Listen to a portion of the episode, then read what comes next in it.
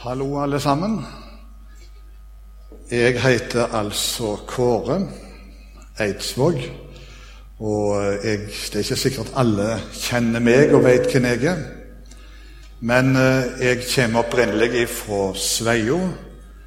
Og så har jeg bodd her i Stavanger nå i 27 år. I 1969 da eh, begynte jeg, ble jeg ansatt i misjonen, i Misjonssambandet. Før det gikk jeg fire år på lærerskolen for å være lærer ett år.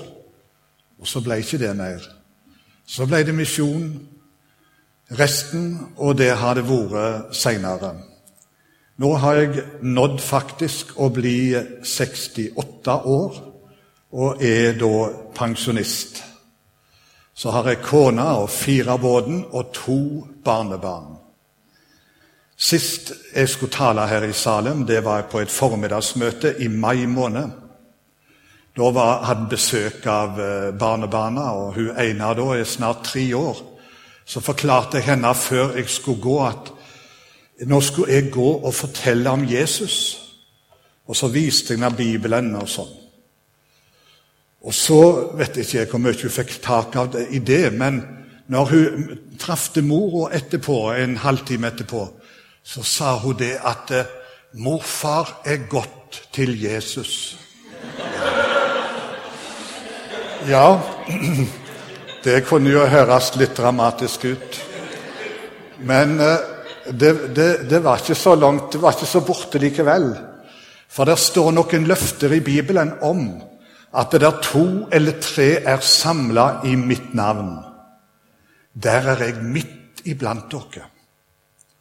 Når vi her nå er samla i Jesu navn, da er Jesus her. Så du som er kommet her, du er gått til Jesus, for å si det sånn. Du kan få et møte med Jesus her, for vi har løftet i Bibelen på at han er her. Nå vil vi fortsette å be om det. Kjære Jesus, jeg takker deg for at du ser oss alle. For deg så er vi ikke bare en eh, flokk som er samla, men du ser den enkelte av oss. Og du veit hvordan vi har det, hva tanker vi kom med når vi kom hit til Salem, hva byrder vi bærer på. Og nå ber jeg om at du må gjøre det stille i oss, og så må du la oss få den nåde at vi kunne få møte deg, Jesus, i kveld, i ordet ditt. Kunne du få styre tunga mi og velsigne munnen min, så jeg kunne få bære fram noe ifra deg som kan by oss til hjelp og velsignelse. Amen. Vi skal dele sammen en tekst i kveld fra Det gamle testamentet. Og vi slår opp i Andre Mosebok, kapittel 3, og der skal vi lese fra vers 1 til 5. Og jeg eh, holder meg til nynorsk, som jeg har vært vant med hele mitt liv. Og det har vi også fått opp på skjermen, ser jeg, så vi, er, vi går i takt. Vi begynner å lese i vers 1. Moses gjette småfeet jo Jetro, svigerfar sin, presten i Midian. En gang dreiv han småfeet bortåt, bortom øydemarka og kom til Gudsberg, til Horeb. Der åpenbæra Herrens engel seg for han i en eldslåge rett ut over en klungerbusk. Han såg opp, og sjå, Klungerbusken sto i lys låge, men han brann ikke opp. Moses sa, Jeg vil gå bort og sjå dette underfulle synet, at klungerbusken ikke brann opp. Da Herren så at han kom bort for å sjå, ropa Gud til han rett ut av klungerbusken og sa, Moses, Moses. Og han svarer, ja, her er jeg. Da sa han, Kom ikke nærere, drag skorene dine av føttene, for staden du står på, er heilag grunn. Det kan godt settes som ei overskrift over det som jeg skal si et møte med Gud ved klungerbusken. Og den som fikk dette møtet, det var altså Moses. Moses det er en sentral person i Bibelen. Ikke minst i Det gamle testamentet så handla veldig mye om Moses, de første bøkene i Bibelen. Moses han levde omkring 1500 år før Kristus, så han er en av de skikkelig gamle. Og Hans liv det kan deles inn i tre avsnitt, hvert på 40 år. De første 40 år det var livet hans hos datter til farao.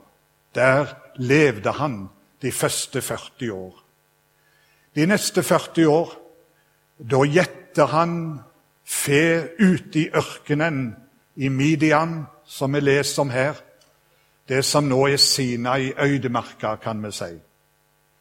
Og de siste 40 år, da leder han folket, israelsfolket, ut av Egypt og gjennom ørkenen og mot Kanans lander. Ikke helt inn, men nesten imot grensa av Kanans lander. Det er kort fortalt Moses sitt liv.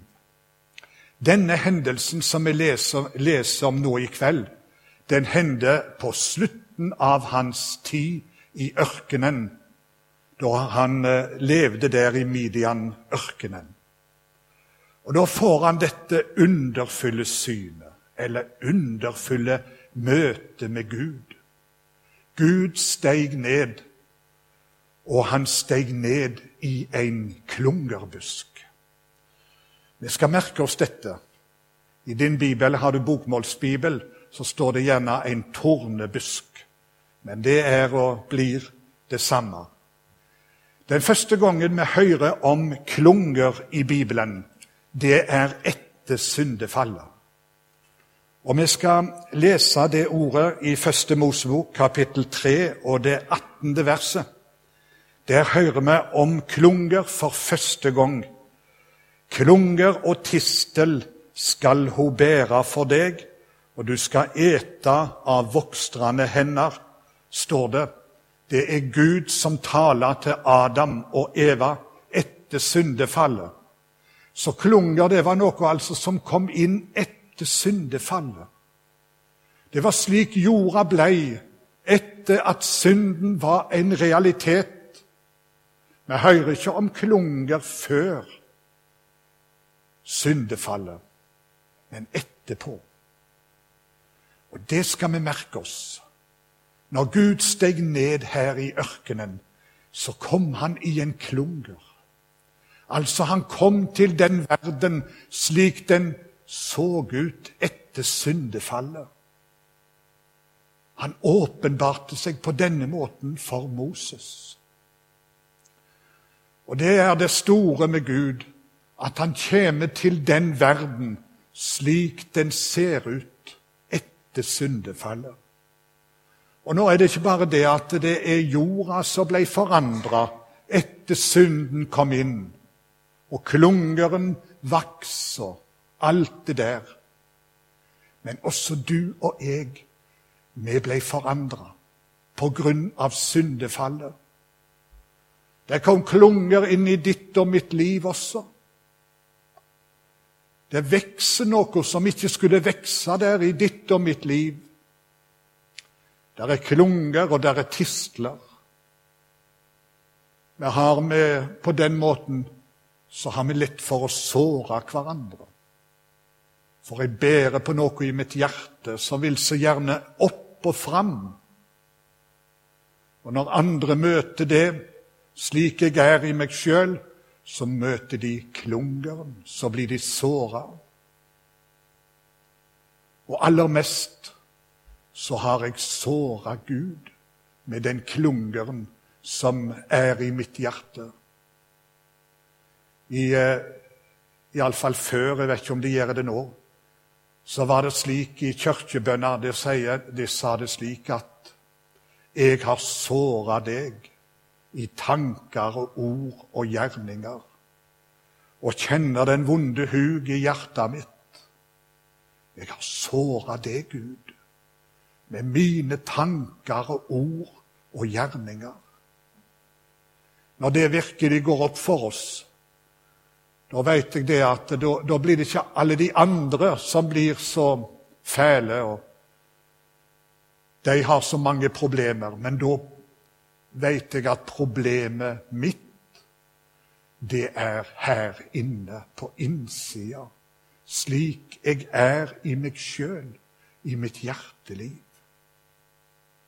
Men tenk, Gud, han steg ned i en klungerbusk.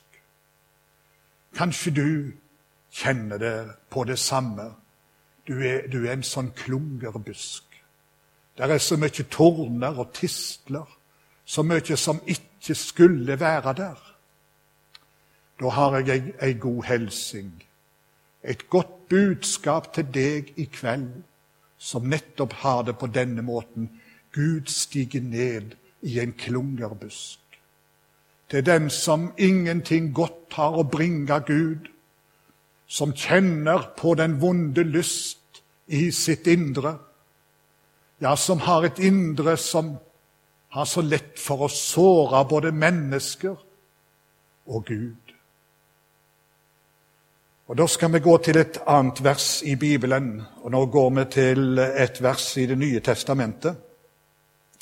I Hebreabrevet kapittel 2. Der, der, står det slik at eh, det, ikke, det er ikke engler han tek seg av, men Abrahams ett tek han seg av. Det hadde vært mye enklere for Gud det å tatt seg av englene i himmelen. Det var ingen syndefall i deres liv. Det var ingen opprør. Nei, han kunne tatt seg av dem, men her står det han tar seg av Abrahams ett. Og Abrahams ett, det er en fallenett. I Abrahams ett, der finner vi Jakob. Han var sønnesønn til Abraham. Jakob, det var en luring. Han for rundt med bedrag, og med list lurte han rettigheter til seg. Og så har vi alle sønnene til Jakob, som også for fram på uredelig vis. I den barneflokken, der var det misunnelse, der var overgrep, der var løgn, osv. Dette er Abrahams ett. Og så står det i Bibelen han tar seg av ei sånn ei slekt. Der det er så mye grums, så mye klunger og tistler. Takk og lov for det, at det slik er Gud den samme i dag. Han tar seg av ei slekt der det er mye styggedom og synd og fall og nederlag. Da Jesus vandra rundt her på jord, så var det noe som fariserene ikke forsto. Og det var at han hadde sånn et nært forhold til tollmenn og til syndere og til eh, tvilsomme personer som iallfall ikke de ville ha noe med å gjøre. Og dette det anklager de han for gang etter gang. Og da er det at Jesus han må irettesette dem. Og så sier han det slik i Markus evangeliet kapittel 2 og det 17. verset. Da Jesus hørte det, sa han til dem, det er ikke de friske som trenger leker, men de som har vondt. Jeg er ikke kommet for å kalle rettferdige, men syndere til å vende om. Tenk, slik er Jesus. Jeg er ikke kommet for å kalle rettferdige, altså de som er prektige og får det til, og har et pent og pyntelig liv. Men jeg, er kommet for å kalle syndere til å vende om. Derfor så kalte han Matteus når han gikk forbi tollbua.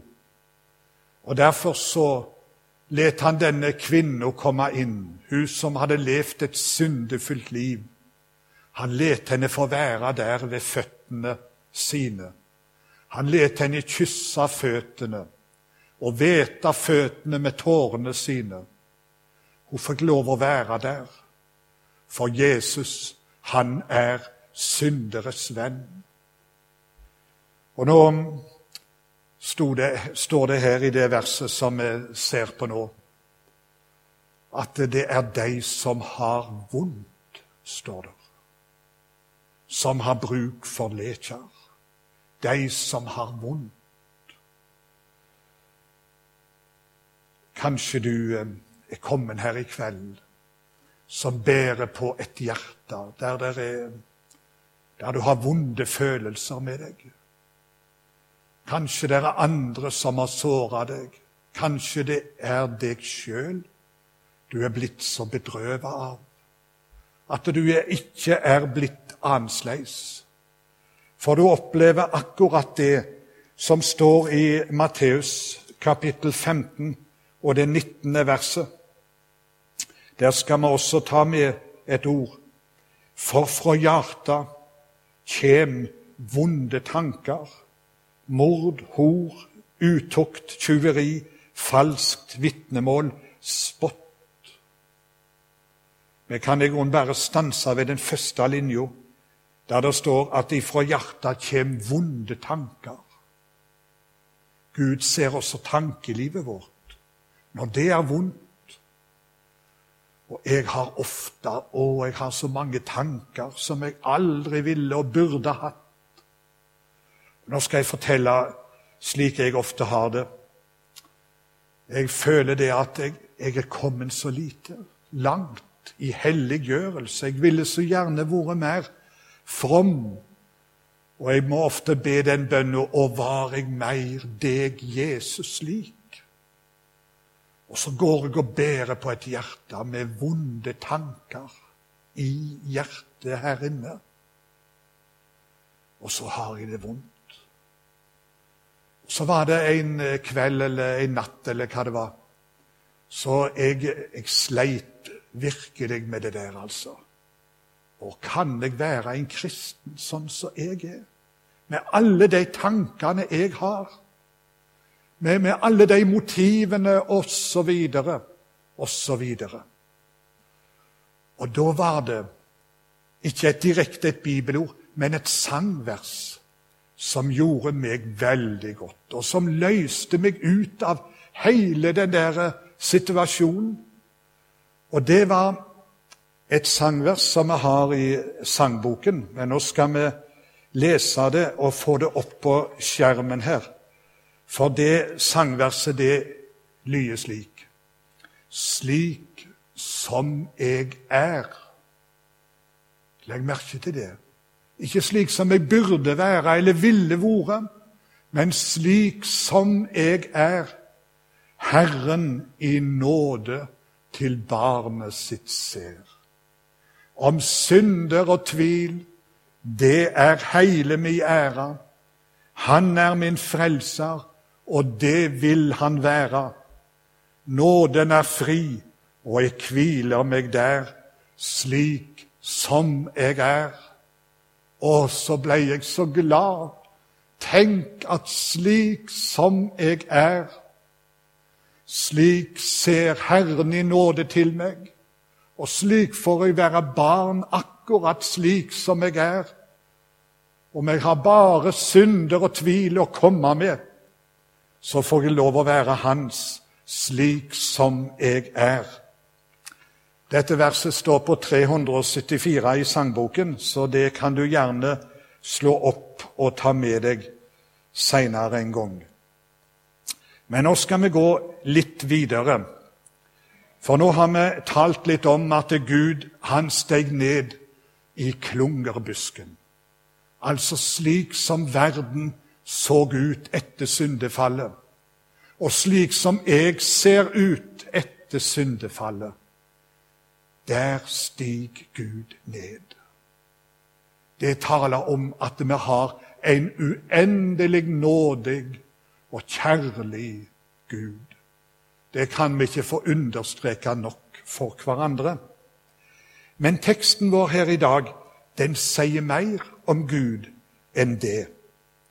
Og det skal vi stanse for videre. For det står om at eh, Moses han ble veldig interessert, han ble nysgjerrig på dette synet.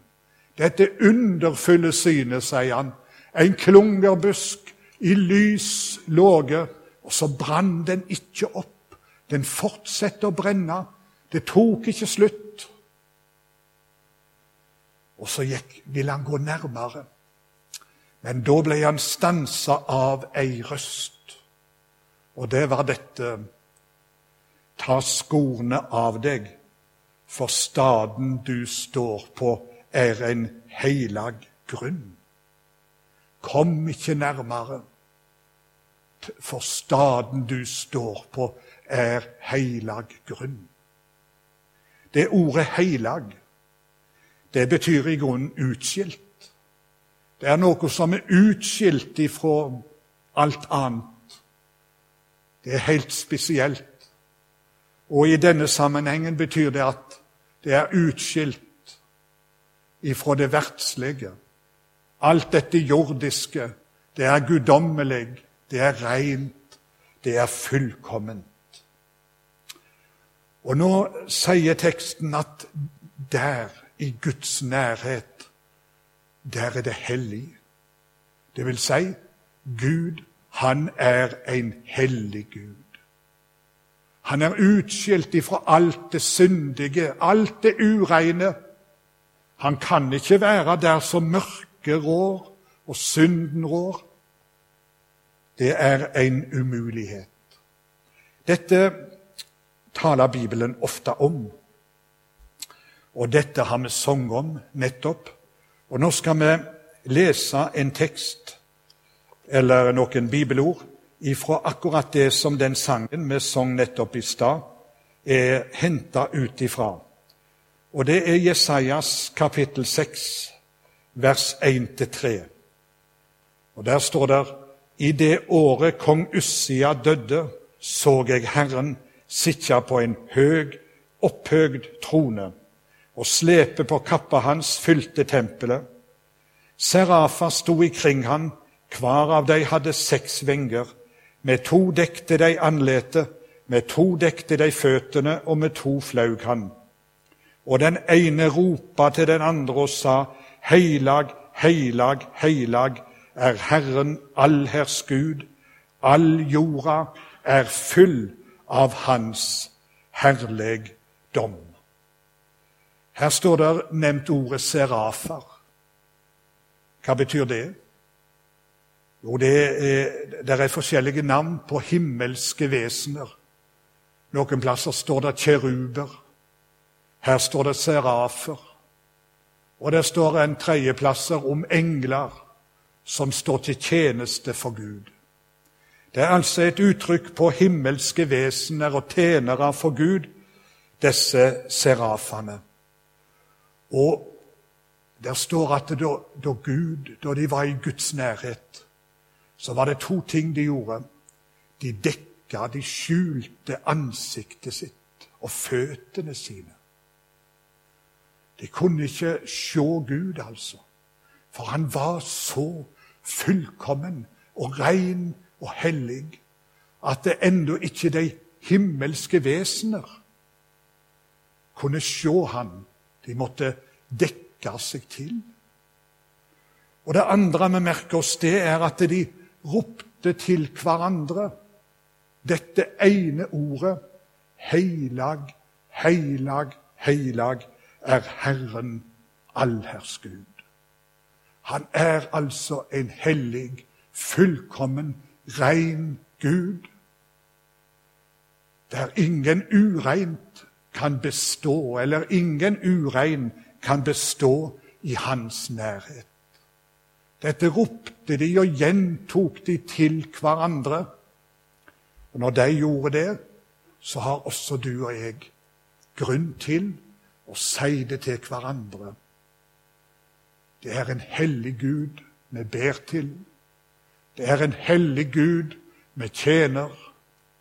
En som ikke kan tåle noe urenhet, noe uh, fanteri og snusk osv.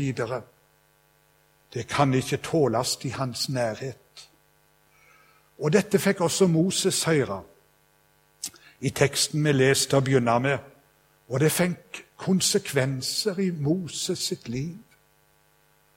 Og det var, det var noe han måtte ta av seg. Ta skorene av deg, for staden du står på, er heila grunn. Sko, det vet vi jo, det, det bruker vi bl.a. for å beskytte oss imot det ureine. Derfor bruker vi sko. Og sko blir ofte da oppfatta som et symbol på det ureine.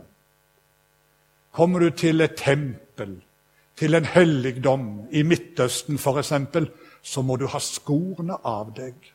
Du kan ikke gå inn i en helligdom med sko på, for da drar du noe ureint med deg inn der.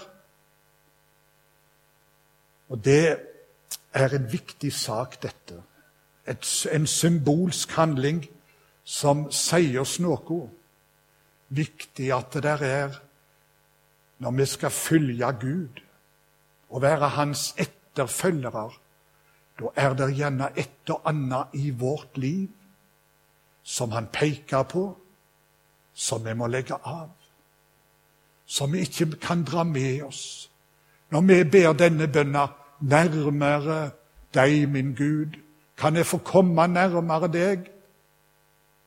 Da får det gjerne de konsekvensene i mitt og ditt liv at da sier Gud da er det noe du må legge av i livet ditt. Det er noe som må bort, som ikke passer i Guds nærhet.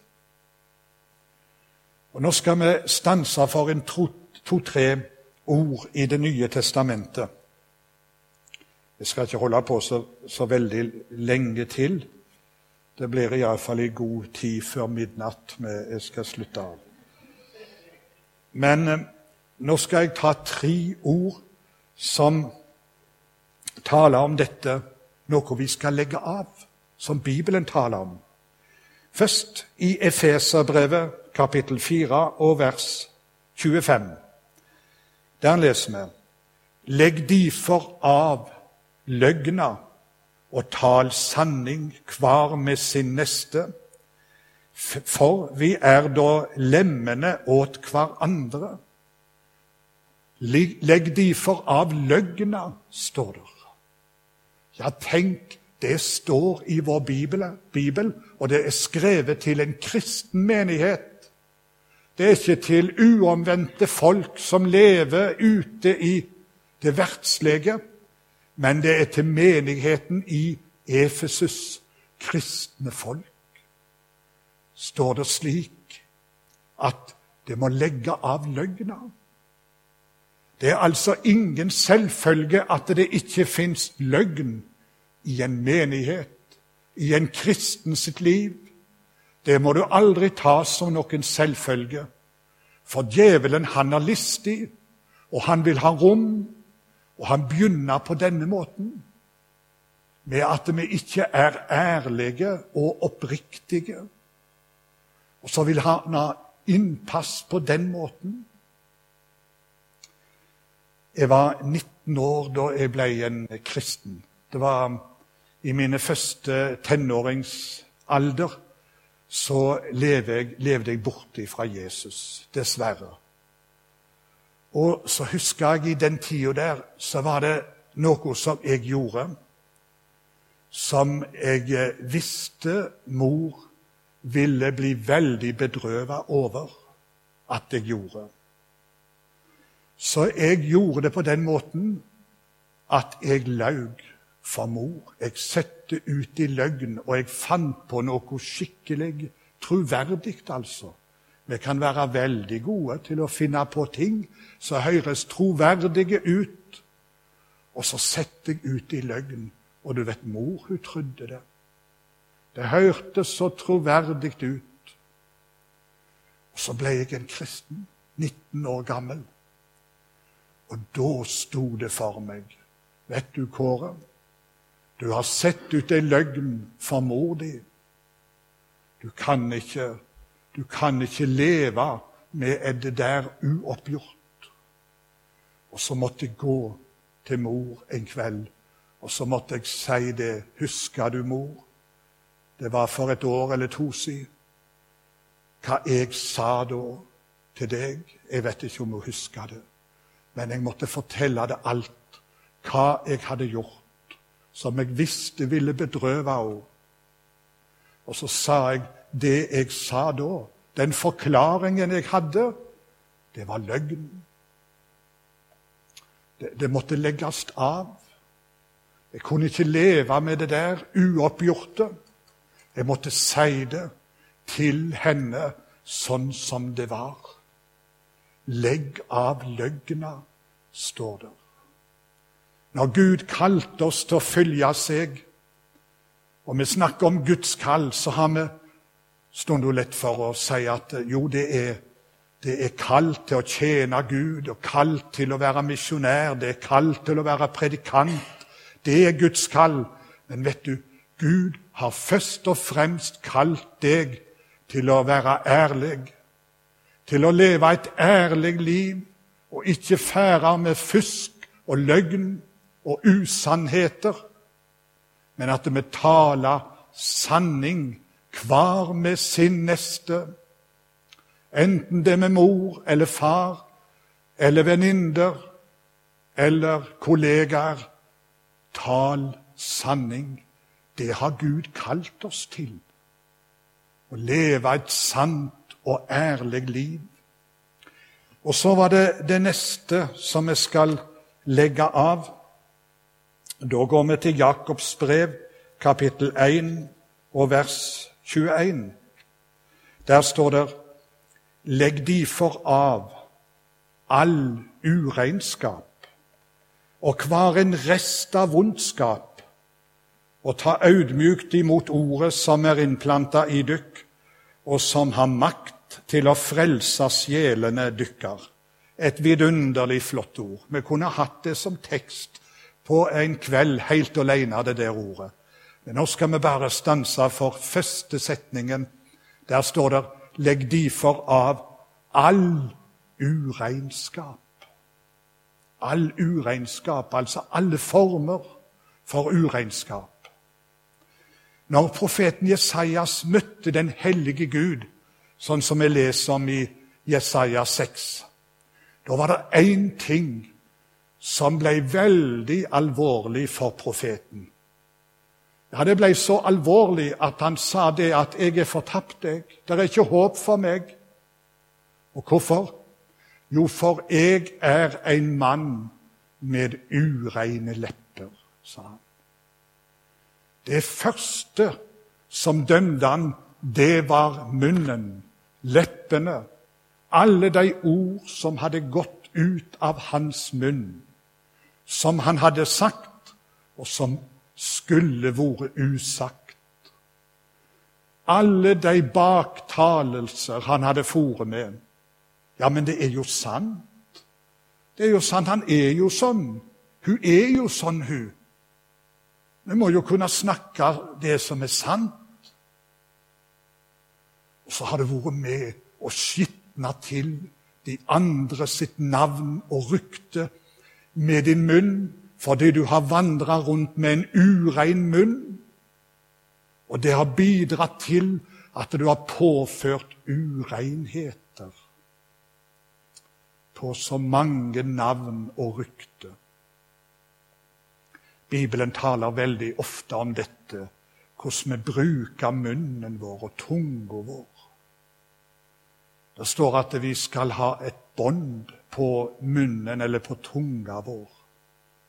Den som mener at han tjener Gud, og han ikke har bånd på sin tunge, hans gudsdyrking er til fånyttes, står det. Så sterkt taler Jakobsbrevet om dette med munnen vår, hvordan vi bruker den. Det sier oss vi skal ha ei bånd på tunga, ellers går vi rundt med ei løse tunge. Det er et veldig fint ord i um, Første Peters brev, uh, i det fjerde kapitlet der vi bare skal ta det med oss ganske raskt i det åttende verset. Framfor alt ha inderlig kjærleik til hverandre, for kjærleiken løgner ei mengd med synder, står det. Altså kjærleikens vesen, det er slik at det skjuler synd. Det, det dekker over synd. Når vi utøver kjærlighet imot hverandre, da er vi ikke opptatt av å henge de andre sine synder opp på ei snor, så flest mulig får rede på det og høre om det. Men når vi har kjærlighet til hverandre, da er vi opptatt av å dekke syndene til. For kjærleiken løgner ei mengd med synder. Så skal vi gå videre og Da eh, holder vi oss også i 1. Peters brev, men nå er det kapittel 2, og det første verset der. Legg derfor av all vondskap, alt svik og all hykling, misunning og baktale. Her kommer også baktalen inn, og vondskap. Men nå skal jeg bare understreke ett annet ord som står i det verset, og det er ordet 'all hykling', står det. All hykling. Det er altså veldig lett for oss å være opptatt av at fasaden er i orden. Det har alltid vært en fristelse for oss mennesker. På profeten Jesajas tid så talte han til folket om dette og han hadde det ifra Gud. Han sa at dette folket, det ærer meg med lippene, men hjertet deres er langt borte fra meg. Altså en gudsfrykt som bare sitter i munnen, men ikke i hjertet. Da er vi opptatt av å feie ting under teppet, slik at fasaden er i orden. Jo, det er ok. Da fører det til at vi lever et dobbeltliv. Et liv på bedehuset og et annet liv på arbeidsplassen. Da fører det også til at vi blir sånn 7-Eleven-kristen. Eh, kan vi si det? Fra 7 til 11 på lørdagskvelden. Men etter 11 på lørdagskvelden, da er det ikke så nøye med hvordan jeg lever. Det kaller Bibelen for hykleri. Da er vi én person i én setting og en annen person i en annen setting. Slik kan det ikke være, sier ordet. Det skal vi legge av, sier Skriften til oss i kveld. Akkurat som Moses måtte av med skoene. Og da skal vi til slutt bare ta med oss hvordan skal jeg få det til, dette? Hvordan skal jeg legge av disse forskjellige ting, enten det er det ene eller det andre? Da hjelper det ikke å begynne å ta seg i sammen. Nå skal jeg skikkelig ta meg i sammen og få orden på det. Nei, du, Det er akkurat som å begynne å slåss med feieren for hva skjer da? Du blir bare svartere til mer du slåss med feieren. Ja, Når du begynner å ta kampen opp imot deg sjøl. Nei, du skal gjøre akkurat som David gjorde det. I Salme 32, der skal vi ta med vers 5. Jeg sanna mi synd for deg og dulde ikke mi skuld. Jeg sa, jeg vil sanna mine misgjerninger for Herren og du tok bort min syndeskyld. Fortell Jesus alt. Altså Her er brukt ordet 'sanna'. Det er et veldig godt ord, det. Altså sie sannheten. Sett navn på det du går med i ditt liv. Fortell det med navn, og si sannheten til Gud. Da skjer det at du tar bort min syndeskyld. Du blir fri, som vi har sunget om det tidligere i kveld. Du får leve et fritt liv, for du blir fri. Det er bare, bare Han som kan ta bort din syndeskyld. Det har Han gjort på Golgata, og det blir deg til del når du sanner syndene dine, leve i lyset med det, bekjenne det for Gud. Da skjer dette i ditt liv. Han tar bort de syndeskyld. Takk, Jesus, for at du er den som tar bort synd i våre liv. Og så kan vi få lov å komme akkurat slik som vi er. Og den som kommer til deg, vil du så visst ikke vise bort. Takk for det.